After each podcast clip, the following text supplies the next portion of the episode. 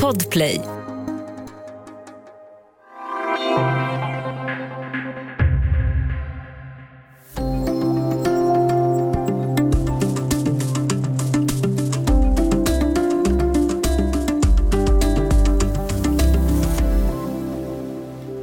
Minst 131 människor är döda efter läktartragedin i Malang i Indonesien. Det är inte första gången något liknande händer men det här är en av de värsta läktarkatastroferna någonsin. Studio DN idag om säkerheten på arenor och vad idrottsvärlden har lärt sig och inte lärt sig av tidigare tragedier. Jag heter Palmira Kokari Menga och nu har jag med mig Johan Esk, sportkrönikör här på Dagens Nyheter. Hej! Hej! Vi ska börja med att lyssna på ett ögonvittne, Ahmad Rizal Habibi, som överlevde katastrofen. Manusia dimasukkan dalam satu lup anu kayak masukkan tabung dikasih lubang kecil habis itu dikasih asap bagaimana jenengan merasakan sendiri Det var som att stoppa massa människor i en container och sen skjuta tårgas i den genom ett litet hål. Tänk dig själv hur det känns, säger han. Johan Esk, eh, kan du börja med att beskriva vad det här var för match och hur det såg ut där i lördags? Ja, det var ju en, eh, vad vi på svenska kallar högriskmatch. Alltså, lagen Arema och Persebaya Surabaya är då rivaler och det här var en match som egentligen bara skulle få ta eh, 38 000, men det hade sålts 42 000 biljetter. Och bortalaget då tar sin första seger i det där derbyt, Persebaya Surabaya, då vinner med 3-2. Det får hemmasupportrarna att få, ja, få frispel kan man säga. Det tog sig in upp mot 3000 supportrar på arenan och skulle väl ställa sina egna spelare till svars kan man säga. Och då får eh, polisen för sig att de ska börja agera då och i det första läget så försöker man skydda spelare och eh, andra funktionärer och sådär. Och sen kommer det då totalt ödesdigra när polisen börjar skjuta tårgas. Och inte bara mot de som är nere på planen, utan även tårgasen skjuts även mot folk uppe på läktaren. Och det är då eh, allt eskalerar till fullständigt katastrofala följder. Mm.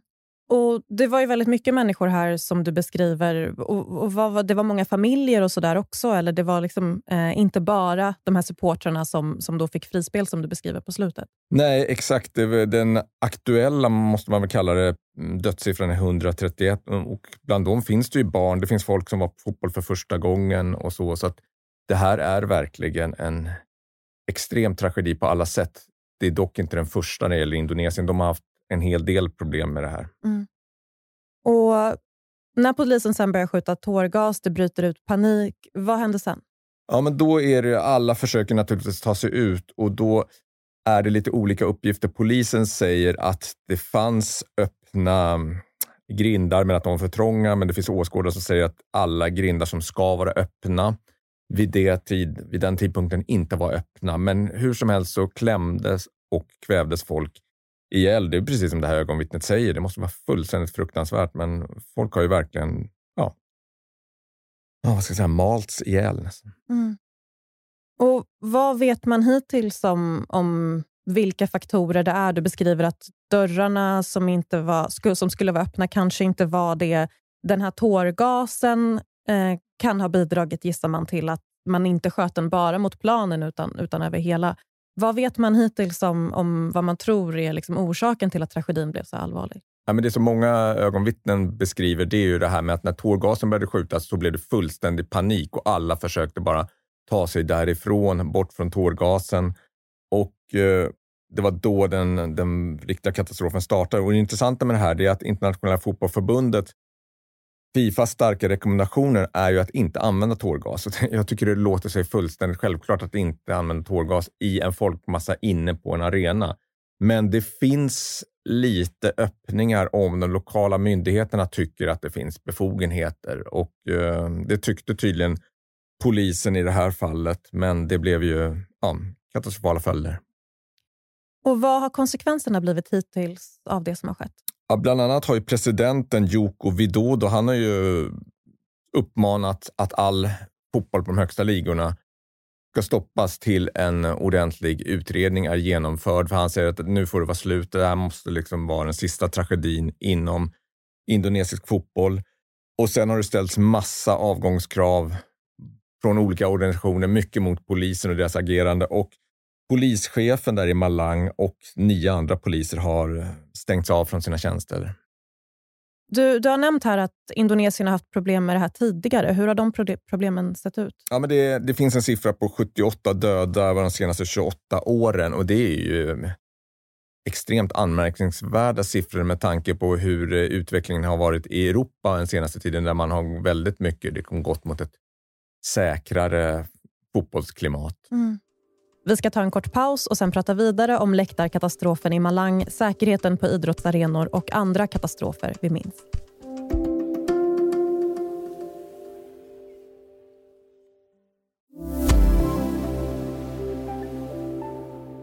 Du lyssnar på Studio DN idag om läktartragedin i indonesiska Malang. Och vi har med oss Johan Esk, sportkrönikör här på Dagens Nyheter.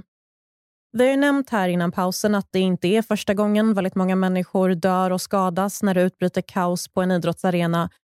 Vilka andra katastrofer minns du som du har bevakat i ditt yrkesliv? Eh, de två som stora som kommer upp så där, det är ju Hazel-katastrofen och Hillsborough-katastrofen.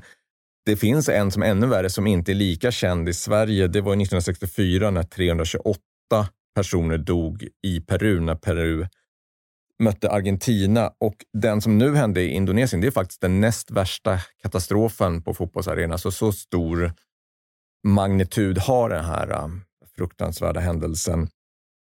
Ehm, det här då på, i, som var i Hillsborough, det har ju faktiskt likheter med det som hände nu, att folk klämdes ihjäl. Det var ingen tårgas, men i det fallet var det att det släpptes in för mycket folk på sektioner och att man inte släppte ut folk på planen så att säga, så att de äh, kunde ta sig ifrån mm. den här folkmassan som uppstod. Ja, eh, beskriv för de som inte minns Hillsborough, ja, vad var det som hände där? Det var, det var just så att det var för många som skulle in på för liten yta på för kort tid och in mot plan, då, mot staketet, mot stängslet där så klämdes folk ihjäl.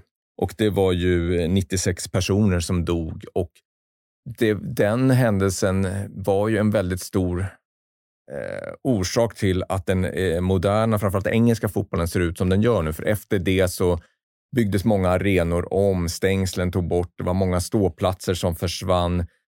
Eh, det positiva var ju att eh, läktarmiljön blev mycket säkrare. Det negativa tycker många är att man byggde bort en kultur och en stämning och istället fick en mer turistanpassad fotbollsmiljö. Mm. Och, och de här andra två katastroferna som du nämnde, vad, eh, vad hände där? Stadion, där var ju då, det var då Europacupfinalen, det vi idag kallar Champions League-finalen.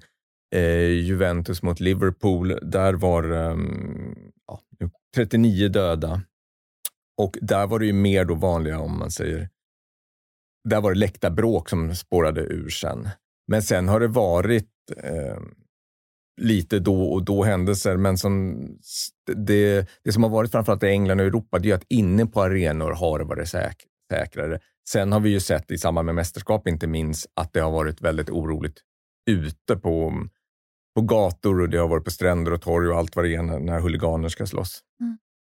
Och De här händelserna, eh, vilka andra sätt har det påverkat säkerhetstänket kring sportevenemang? Vad, vad brukar man ta med sig från, från en sån här katastrof?